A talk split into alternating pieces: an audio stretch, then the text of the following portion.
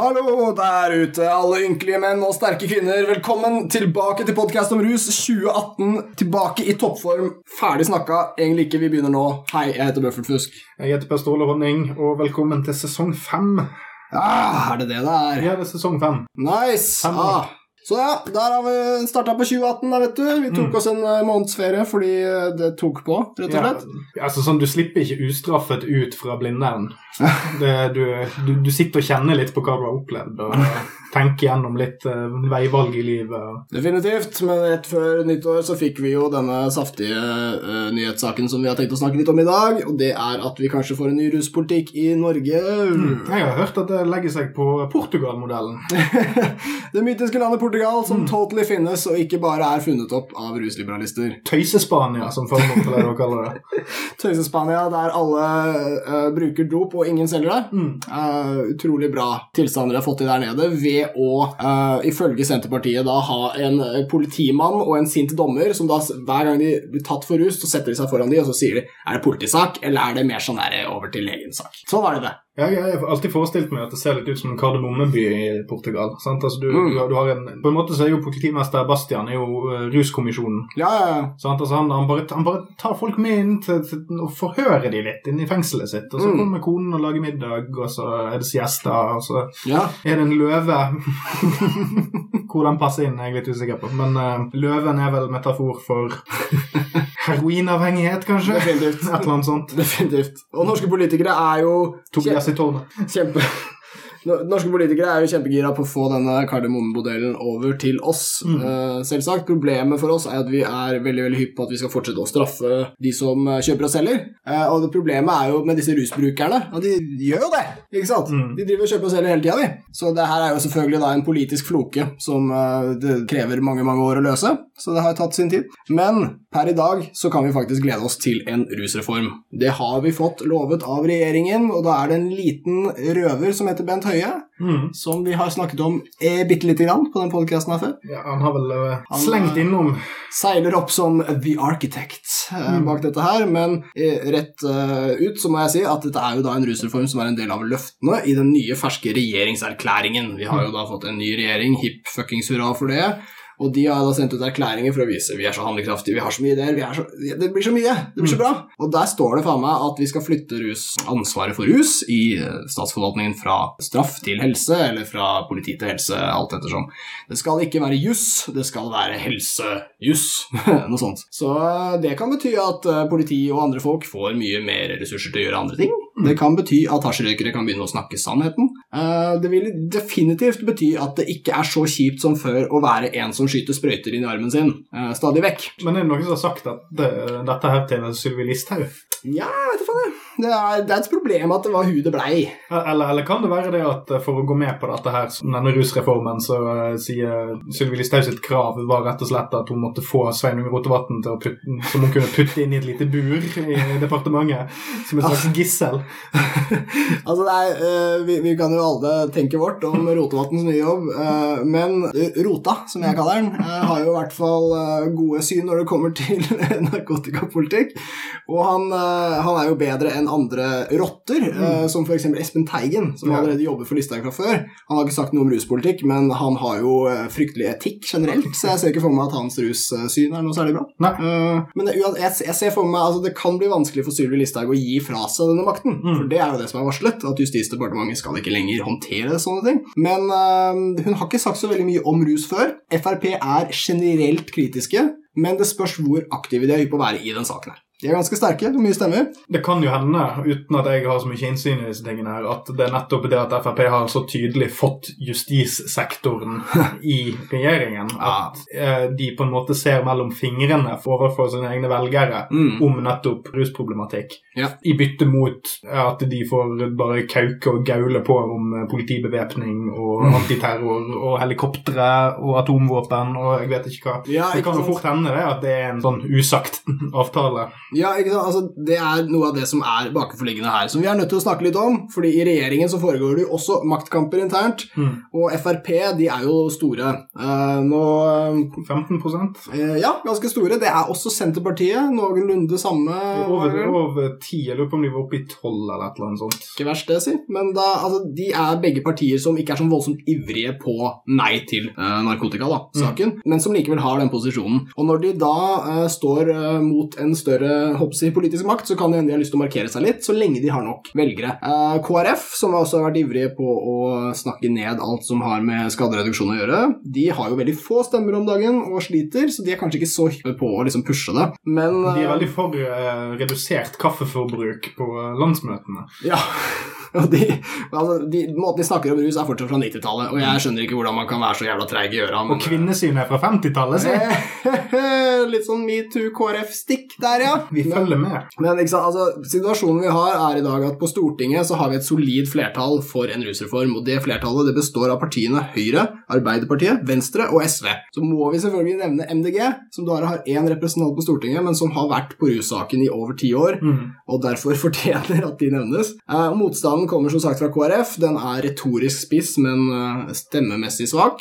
Og Frp og da Senterpartiet. Senterpartiet har markert seg som det mest eh, saboterende. Altså, jeg er litt eh, slem der, men det, det, jeg står for det. Altså, Fordi de, de, de, vi har nylig hatt en høring hvor det var flere sånne forslag som, det var, eh, som ble gjennomgått på høringen. Som du forstår, så er språket mitt helt on point. Men da var det da flere eh, gode eh, forslag som skulle drøftes, og ett av dem var da Senterpartiets eget, hvor de da vil ha en egen form for kommisjon som kan strekke tida enda mer ut og prøve å finne ut om vi kan kombinere straff og hjelp enda en fuckings gang. Og nei, det kan vi ikke. Senterpartiets representant Kjersti Toppe har også skrevet kronikk i Bergens Tidende der hun sier at Senterpartiet vil ikke avkriminalisere narkotika. Vi skal ikke, som hun Mm. sa. Um, de har jo også da satt i gang med en slags retorisk linedans, der de skal ha uh, straff, men hjelp i en veldig 50-50-mix.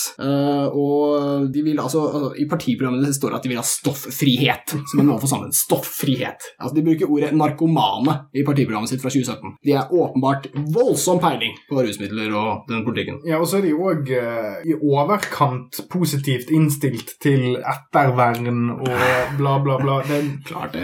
det, det er jo denne, dette trikset de fleste politiske partiene driver og drar fram nå, at eh, så lenge de liksom chanter ettervern, lar Lar Lar. Ikke, ikke Larne Marie. Eh, lar og eh, at vi må ikke straffe narkomane. Mm. Da, liksom, da er alt i orden. Da er Ja. alt på plass. Da, da kan du si hva som helst etter det, og Ja. Så vil ingen ta deg på det. Mm, ikke sant? Og det er, vi må bruke litt tid på Senterpartiet her i dag, fordi de representerer denne slags mellomposisjonen. Mm. Ikke sant? Fordi vi vil ikke ha dette frislippet, kaos i narkoverden. Men, men eh, mange nordmenn har trolig en sånn posisjon hvor vi innser at vi skal ikke straffe tunge rusmisbrukere, for det er åpenbart ikke noe vits. Samtidig vil vi ikke la lette brukere slippe unna Mm. med å være skurker, og de vil at det fortsatt skal være skurker og, og sånne ting. Så ja, så Senterpartiet representerer trolig en slags eh, folkestemme Mm. på et eller annet vis. Eh, litt sånn usikker, litt sånn vinglende posisjon. eh, retorisk linedans, som sagt. Men eh, i deres partiprogram så har bl.a. Senterpartiet skrevet at i Portugal så blir man da eh, satt foran en nemnd, og de er veldig opptatt av disse nemndene. Det ser ut som om de tror at disse nemndene er politidrevet på et eller annet vis. Ja, men de er veldig glad i nemnder i kommunen. vet du. De liker det. Og da skal det vurderes, ikke sant. Og det, det er på en måte tydeligvis et slags smartere politiarbeid i Senterpartiets øyne. Men de skriver i partiprogrammet sitt at hvis du blir tatt for kjøp og salg, og da understreker vi kjøp, får du da møte med politiet i stedet. Dette er jo absolutt ikke sant. Ideen om at brukere ikke kjøper noe særlig, er selvfølgelig helt absurd. De fleste brukere selger også. Skillet mellom bruker og selger er ganske fiktivt. Det funker ikke å bruke. Og det som er morsomt eh, her, er jo at eh, det blir veldig vanskelig å argumentere for straff og hjelp samtidig, og her kommer det poenget veldig tydelig frem. Fordi hvis det er galt å kjøpe drugs, eh, så betyr det at det kan være en slags straffbar handling. Vel, samtidig så er det da at det er jo bare stoff til personlig bruk som skal være lov å besitte, for ellers er du jo en slags selger. Så da må jo folk kjøpe lite narkotika av gangen, da. Og da blir det jo mye flere kjøp. altså, hvis de prøver å få folk til å slutte å drive med narkosalg, så burde det være lov å ha mye narkotika på seg. Mm. Den samme tingen de assosierer med narkosalg. Ikke sant? Så den sirkelen her den er veldig liten. Ja, så, Dette så, biter dem i ræva umiddelbart. ja, og sånn sett så er jo Senterpartiet på en måte den trojanske hesten i den norske rusdebatten som har rømt fra fjøset. Altså det, Det er treffende. For De har på en måte sneket seg inn i debatten, eh, og så har de plukket opp alle fyndordene du skal Ja. legge til. Faen. Og så ender de opp med å lande på noe som er like konservativt og drittkjedelig som hvis de ikke hadde gjort det. Ja, ikke Eh, og så er det denne her eh, De har jo nesten en slags overtro på at bare med en gang du setter ned en nemnd, Ja. så skal det bli så mye greier å bli kjeppjaget rundt av politiet hele tiden. For, for det de sier, er at å Nei, de vil jo at disse nemndene skal ha eh, muligheten til å overføre deg til straffesystemet etter en stund. Eh, og samtidig så sier de òg det at tung bruk og altså, altså salg og alt dette skal være eh, politiets rolle. Altså salg og omsetning og den typen ting. Men hvorfor i alle dager skal vi ha disse tverrfaglige nemndene i utgangspunktet? Du kunne jo bare utvidet eh, mandatet til politiet. Ja. Politiet kunne fått lov til å ha nemnder som avgjorde om du var farlig eller ikke. Ja, ja. Det er jo de som har oppsøkende altså Hvis, hvis resultatet av eh, kjip oppførsel i nemndens øyne over tid allikevel kommer til å resultere i eh, anmeldelse og straff og muligens fengsel, Mm. hvorfor i helvete vil du starte med de nemndene i utgangspunktet? Det, det, det, det virker ikke som en veldig gjennomtenkt, eh, forståelsesfull tilnærming til Portugal-modellen. Nei, mildt sagt, hva, hva slags nemnder er det de tror det er? Altså, det, hva er drømmenemnden til Senterpartiet? Altså, hvis du blir tatt for rusbruk, så må du liksom sette deg ned med lensmannen og ordføreren, og så skal de vurdere Ja, om det- det her går greit. Ja, for det er jo lensmannen som skal ta seg av dette. Lensmannen og ordføreren, de to tror jeg holder, faktisk. Ja, På mange av disse stedene så er vel lensmannen og ordføreren den samme fyren òg. Ja. Og så han som driver jeg vet ikke, fabrikken eller et eller annet, sånn næringslivsrepresentant, så har du trioen. Han som driver den vernede bedriften, som er òg en hjørnesteinsbedrift. Ja, ja, jeg ser for meg noe sånt, fordi det Nå snakker vi om Kommunal-Norge, forresten. Ikke, ikke grisgrendte og urbane strøk. Nei, nei, ikke nødvendigvis. Det er uh, noe sånt de må se for seg med disse nemndene, fordi det er jo så utrolig fjernt fra det som faktisk skjer i Portugal. Når, når de skriver i partiprogrammet sitt at du får møte med politiet hvis du blir tatt for kjøp, f.eks. Nå er det en egen prosess for folk som blir tatt for salg, de får ikke møte for disse nemndene nødvendigvis, og det kan vi diskutere. Sånn er det i Portugal. Men det som faktisk skjer, og her er grunnen til at Senterpartiet har misforstått så jævlig, det er at når du blir tatt for rusbruk i Portugal, så blir du satt foran en nemnd som er tverrfaglig. Den har da tre representanter. En psykolog, en sykepleier fra helsevesenet og en jurist.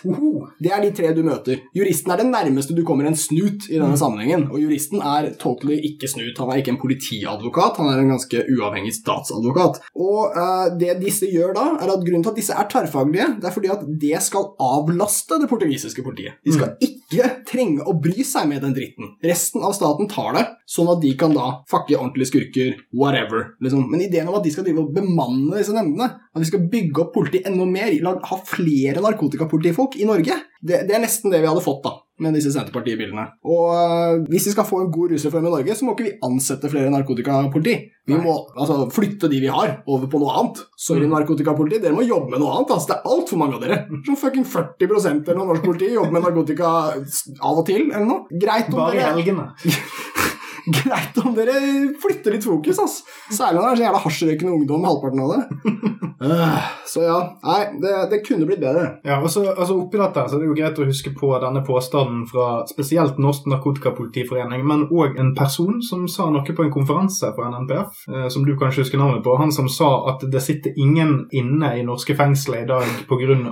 personlig bruk. Ja, eh, riksadvokat Tor Aksel Busch. Ja, for det er jo en ting som eh, i hvert fall Senterpartiet sin fremstilling av dette her ikke tar høyde for. Og det er jo det at, som vi har nevnt mange ganger før, så er det jo det at det er mer summen av bøter som fører deg i fengsel, Mm. uten at du i det hele tatt nødvendigvis har noensinne blitt dømt for Mm. narkotikakriminalitet. Ja. Så kan du bli tatt nok ganger med brukerdose, så kan ikke betale bøtene, boom, fengsel. Ja. Det er bare en teknikalitet som gjør at du kan si at ingen sone for personlig bruk. Mm. Og det hører ikke jeg spesielt mye snakk om, disse, disse her eh, modellfremmende folkene her. Mm. Jeg hører ikke et godt argument for hvordan det vil endre seg. i Det Ja. hele tatt. For det, det er fremdeles en polititrussel som liksom eh, det er enormt eh, ris bak speilet, eller en, en fucking slegge. Mm. Ja. Så eh, jeg, jeg, for, jeg forstår ikke hvordan man, man på en måte har lyst til å putte inn alle positive, snakkende, personliggjørende tiltak, og så vil du fremdeles beholde alle de autoritære, negative trekkene med dagens modell.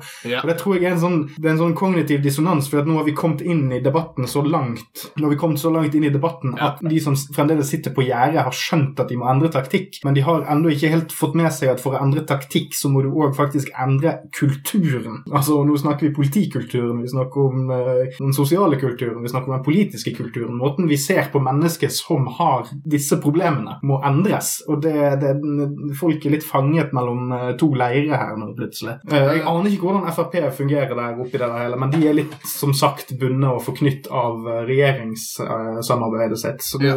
de kommer ikke så klart på banen. Det er vel bare en og annen sånn uh, tølper fra et lokallag som tør å skrive litt kronikk i lokalavisen i ny og ne. Det man gjør når man ikke vil ha den store pakka, som nå liksom blir presset på Senterpartiet via regjeringen og, og, og ideelle organisasjoner og alle de som har blitt hørt, det er at man prøver å klinge seg fast til liksom eh, skiller blant de kriminelle og sånne ting. De vil ikke blande det sammen. De vil f.eks. Uh, dyrke skillet mellom eh, selger og bruker. ikke sant? Og jeg vil understreke at det fins, tross teknikaliteten, så fins det eh, brukere som sitter bare for bruk i norske fengsler. Mm. De har kanskje kjøpt litt mye til personlig bruk, kanskje de har blitt ansett for å være selgere, men det som skjer er at hvis du ikke klarer å betale boten din, så får du flere bøter for bruk, og så samler de seg opp, og etter hvert så får du da bare innkalling til soning av at det har blitt for mange bøter og for mye tid har gått. De som gjør det i Norge, de står aldri foran en dommer. Mm. Og Dette er utrolig problematisk for rettsstaten, fordi at vi har nemlig det som heter maktfordelingsprinsippet, der da Stortinget lager lovene, politiet er utøvende makt, og rettssalene, dommerne, de avgjør den, den tredje jeg aldri husker navnet på. Men greia er at uten den, da, så er det politiet som dømmer. Mm. Og det er det som skjer i de tilfellene. Det er politiet som på en måte velger hvem som skal i fengsel, og de får ikke engang prøvd saken sin i retten. Dette er utrolig negativt. Og jeg vil også nevne veldig kjapt at de fleste som kalles selgere, de som er blitt tatt for salg av narkotika og dømt for det i Norge, de får stå foran en dommer, by the way. De er stort sett veldig, veldig små selgere. Uh, og jeg vil si at hvis en fyr kjøper fem gram heroin, selger fire av dem for å få det siste til seg selv, Mm. bare for eget forbruk, fordi han trenger stabil tilgang på heroin, fordi han bruker det, så vil ikke jeg si at han er en selger nødvendigvis. En selger ville da vært en person som tjener noen penger, har noe overskudd, kjøper dagligvarer i det minste, Mm. kanskje en bil eller et hus, for narkopenger. Hvis du bare får narko av å selge narko, så kaller jeg deg en bruker. Fordi Ja. det er det som er lønna di, det er bruksstoffet. Så det er brukergreier, det er ikke selgergreier. Nei, og så vil man jo òg veldig lett kunne se på omgivelsene til disse personene hvor mye penger de sitter igjen med på slutten av dagen. Og det er jo bare å ta en kikk på hva slags type Ja. leiligheter de bor i, og om de har jobbe på siden av. Sant? Altså det, jeg satt og tenkte litt nå når du snakket, for at akkurat eh, nå når vi spiller inn, og det er forhåpentligvis ikke så lenge til dere får høre det, kjære lyttere i flertall, Mm. eh, så har det jo blusset opp en liten sånn racial profiling-sak i Oslo. Ja, Der det har Stemmer. vært noen uh, mørkhudede ungdommer som har blitt uh, behandlet eh, skikkelig eh, kjipt av politiet mm. på offentlig sted. Og eh, Nå skal ikke jeg gå så veldig langt inn i rasismens eh, lune og forferdeligheter, men det det er en viss likhet mellom den tankegangen man bruker rundt sånne racial Mm. profiling-tendenser og det å gå etter små selgere. For det du gjør, er at du trekker et likhets... Altså, ok, det er større kriminalitet i enkelte uh, grupper Ja. i befolkningen. Mm. Da retter vi inn fokus mot den gruppen istedenfor å rette inn fokus mot den gruppen med kriminelle. Altså, fordi det krever mer innsats, det krever mer ressurser. Det Veldig er- vanskelig å finne de kriminelle. Ja. Det er det. Men det gjør òg at du bruker veldig mye tid og krefter på å, å trakassere folk som ikke har gjort en dritt, Ja. og gjør at de ikke liker politiet. Mm. Eh, trakassere folk som har gjort litt, grann, og så trakasserer du de litt for mye, sånn at de også òg blir sure. Mm. Uh, og så ender du òg opp med å ikke lære en dritt om hvordan du skal knekke disse miljøene heller. For hvis du mener at det fins en gjeng med ungdomskriminell uh, innvandrerungdom som gjør noe, Mm. så hjelper det jo faen ikke å få, få has på de og drive og kødde med folk som ser ut som de. Og en vanlig fyr som selger til eget bruk, ser òg ut som en selger. Ja. Men du får ikke jobbet deg oppover rangstigen i hierarkiet og tatt knekken på en ny Cappelen eller noe sånt med den innsatsen der. Mm. Sånn, Du bare bruker mye tid og krefter på small fry. Ja. Og det, det plager meg litt at det, det fortsetter å, å bli sånn. Og det, det, jeg tror det er de tingene som kan falle litt igjennom hvis denne rusreformen ikke funker helt. Da Mm. kan det fremdeles være de glipene i, i lovverket som gir politiet Mm. fullmakter til å bare fortsette å tute og kjøre. Mm. Ja, men det der er, det, det er, De har utrolige fullmakter når det Mm. kommer til narkotika i Norge. Da settes alt til side. De kan avlytte, de kan gå helt bananas. Hvis narkotika ikke er inne i bildet, så forsvinner 90 av alt de har lov til å gjøre. Mm. Men uh, et veldig viktig aspekt her er at det er veldig lurt av narkomafiaen å få brukere til å selge tunge stoffer for seg. Uh, fordi hvis du er altså, ledere. ja, og Hvis vi skal snakke om altså, hvem er brukere og hvem er selgere Hvis det er et skille mellom disse, da, la oss si det er det, så er jo det i så fall det at de som selger heroin i store kvanta, de er stort sett ikke brukere av heroin. De er bare brukere av alle penga de tjener på heroin. Uh, så det som er smart, da, er å få en veldig sliten heroinavhengig person til å distribuere heroinen for deg, i hvert fall i de nedre leddene, de som oftest blir tatt. Mm. Det, det betyr at når de da blir tatt, så er de livredde for å tyste. Ikke bare pga. vold, men de kommer til å miste tilgangen på den medisinen de trenger og er livsviktig for dem. Så, så her er det liksom Tystesikkerheten den vokser som faen, den, ut fra desperasjonen til Mm. siste ledd. Og de som selger heroin, er nesten utelukkende på siste ledd brukere. Nesten utelukkende. Og hvem er det som blir mest tatt? De. Så ideen om at de alle er selgere og, og ikke brukere, sånn som politiet totally hevder Mm. hele tiden, er, er noe som i så fall er selvforherligende for deres arbeid. Og som er egentlig et filter lagd av de kriminelle for å unngå at de blir tatt. Det setter en strek mellom importørene og selgerne, som gjør at importørene aldri blir tatt. Nesten aldri. Og når de blir tatt, så finner de noe heroin i en eller annen leilighet. Om det var riktig fyr som bodde der da de fant det, veit ingen. For ingen tyster. Og grunnen til at de ikke tyster, er høyt oppe vold, lenger nede avhengighet. Så kom faen ikke her med det der skillet mellom bruker og selger. Hvis, den, hvis det skillet finnes, så burde du finne de som aldri ever bruker. Det er selgerne. Ja, det blir litt som å gå etter de, de på det laveste nivået i pyramidespill òg. Det, du- det er ikke de du går etter, du går jo etter de som sitter på toppen og får alle pengene. Ja, ikke sant? Nå blir det ikke noe mer pyramidespill. Nei. Nå tok vi de.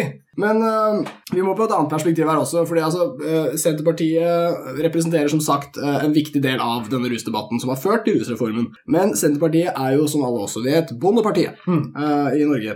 Og vi har en veldig sentral problemstilling knyttet til by mot land. Den er sentral i Norge uansett hvilken politikk vi snakker om. Mm. Fordi Norge er ganske 50-50 mellom hvor man bor. Uh, samtidig da, så har vi det at eh, tradisjonelt i Norge, gjennom brennevinsforbudet og annen historie, så er det bondelandet, bygda og eh, grisgrendte strøk av alle sorter som er mest ivrig på forbud mot rus. Eh, brennevinsforbudet var et bygdetiltak.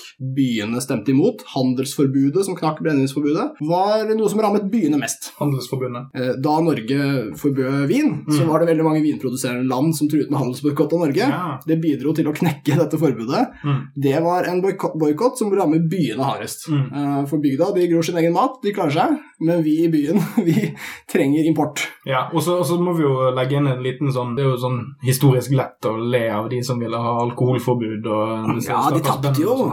Ja, men, men så er det òg det at det, er, det var et større sosialt problem på bygdene, mest sannsynlig, eller på bondelandet. fordi at det, hvis du hadde en forfyllet ektemann Mm. og Det var, det var en stor kvinnesak, dette her òg, i sin tid. Ja. Men hvis du hadde en drita ektemann, og han skulle ut og ploge, Ja. så var det, altså, det var et økonomisk problem for, for, eh, for hele samfunnet at det var utbredt alkoholisme. Ja, og dette er et veldig godt poeng, mann. Fordi altså, i byene så ble ikke alkohol ansett for å være et offentlig problem før alkoholikerne ble synlige i Mm. bybildet. De begynte å ligge på gata. Ja. Da ble det problem. Mens på bygda så snakker vi om en ganske mindre folkemasse. Mm. Og hvis du da har noen eh, tunge brukere blant de, Mm. så kan vi jo snakke om at en familie blir splitta opp, f.eks.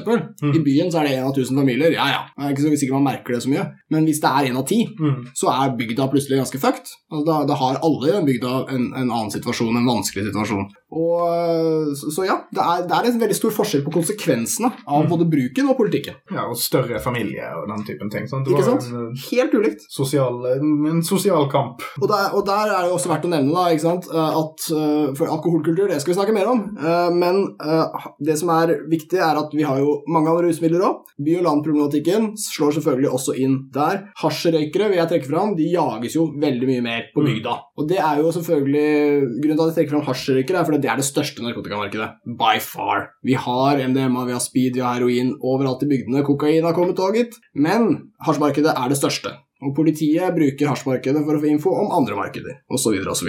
Men eh, det som er greia, er at i byene så får hasjrøykere ofte være mer i fred. Mm. De har lettere tilgang, og det er bare altfor mange folk eh, i forhold til eh, budsjettene Mm. til politiene. Eh, vi har et konsept som er kjent i bygdene i Norge, og det er at rundt eh, i tida før nyttår, rundt romjula, så kan du lettere få razzia for bruk. Og da er det fordi at politiet visstnok da har overskudd i budsjettet sitt, penger de trenger å bruke opp før nyttår, og da kommer de og, tar de hasjrøykerne de veit om i bygda. litt sånne ting. Og dette er noe som aldri skjer i Oslo, og det er et veldig godt eksempel på forskjellen på by og land. For det er mye vanskeligere å være hasjrøyker på bygda. Det er mye vanskeligere å gjemme seg, det er vanskeligere å få tak i ting, det er mer risikabelt på alle måter. Så øh, hvis øh, rusreformen slår inn, og den også vil gjelde cannabis, så vil det være særlig bygdehasjrøykerne som kommer til å ha det bedre. Så ja, jeg kunne rata om det her dritlenge, men, men bare for å si det altså, Som sagt, hasjrøykerne har det verre på bygda, og for å trekke fram noe der, siden hasjrøykere kan deles i to, medisinske og rekreasjonelle Det er selvfølgelig verre å være medisinsk bruker på landsbygda. Det er jo det generelt, fordi de er faen meg sjuke. Men eh, på bygda så er det jo risikoen om straff vil ramme deg mye hardere hvis du har vanskelig tilgang på medisin som også er ulovlig. Og det vil alltids bli bedre for dem hvis de f.eks. kunne bestilt det i posten, eller noe sånt, uten å risikere straff. Så det jeg vil si, det er at vi får en rusreform. Vi vet ikke om den blir bra for hasjrøykere. Det kan hende det blir lettere å være norsk hasjrøyker. Kanskje vi kan snakke mer åpent. Kanskje de kan si sannheten om det de har gjort i alle år. Altså, det, det er store konsekvenser sosialt, men vi får se. Det som er sikkert, det er at en rusreform uansett vil eh, hjelpe tunge brukere. Folk som er i faresonen for å dø av narkotikabruken sin, vil trolig eh, få en lavere risiko for å dø. Eh, og Det er folk som bor i byene, stort sett, men også på bygda, og, og de vil få veldig stor hjelp av en rusreform. Og hvis du er en av de folka som er kritisk til denne rusreformen her, og, og bruker narkotika og sier 'jeg tror ikke det er så bra for meg', ass. 'jeg tror det hadde vært bedre før', 'jeg vil ikke snakke med psykolog', ass. Vil heller bare ta boten, liksom. Ta en for laget. Ja, så vil jeg si at da er sjansen jævlig stor for at du er en hasjrøyker fra en by. Fordi du er en bortskjemt jævel, du har fått god tilgang, og du har det ikke vondt. Se og vis litt jævla sympati med de som har det, da. Ja, så ja, rusreform, ja takk. Gjør det lettere for lettebrukere òg, ikke bare tunge. Please. Politikere som hører på. Alle dere. Yo. Ja, og så tar vi opp igjen eh, troen når de omsider eh, lanserer dette da, om to, tre, fire, fem, seks, sju, åtte, ni måneder. Alt dette sånn hvor mye hestehandel og eh, personlige fotavtrykk eh, Yep. hvert enkelt parti skal sette på den eh, endelige reformen. Mye kan skje, mange utsettelsesmåter kan inntreffe, men eh, vi stirrer kanskje på en potensiell avstemning kanskje til neste, altså kommende høst. Mm. sånt. Det hadde jo vært fantastisk om det skjedde da. Vi kommer i hvert fall til å bable masse om dette. med. Dette ble en eh, veldig kort, men konsis og forhåpentligvis informativ episode. Vi returnerer forhåpentligvis om to uker, der vi skal snakke om en eh, gammel kjenning eh, som du kanskje kjenner godt til fra før. Ja. Og kanskje treffer litt på en fredagskveld når du er ute med venner. Ja, kanskje det blir alkohol, kanskje. Kanskje, kanskje, kanskje. Og sorry hvis det ble litt tørt, kjære lytter, men politikk er tørt. Men det er faen meg viktig. Vi kan redde liv her, og hasjrøyker kan få det bedre etter at Det blir ikke så jævlig mye krydring med jokes og sånn shit, men vi er veldig morsomme mennesker. Jeg håper du husker det og hører på neste episode også. Yes, takk for nå. Ja!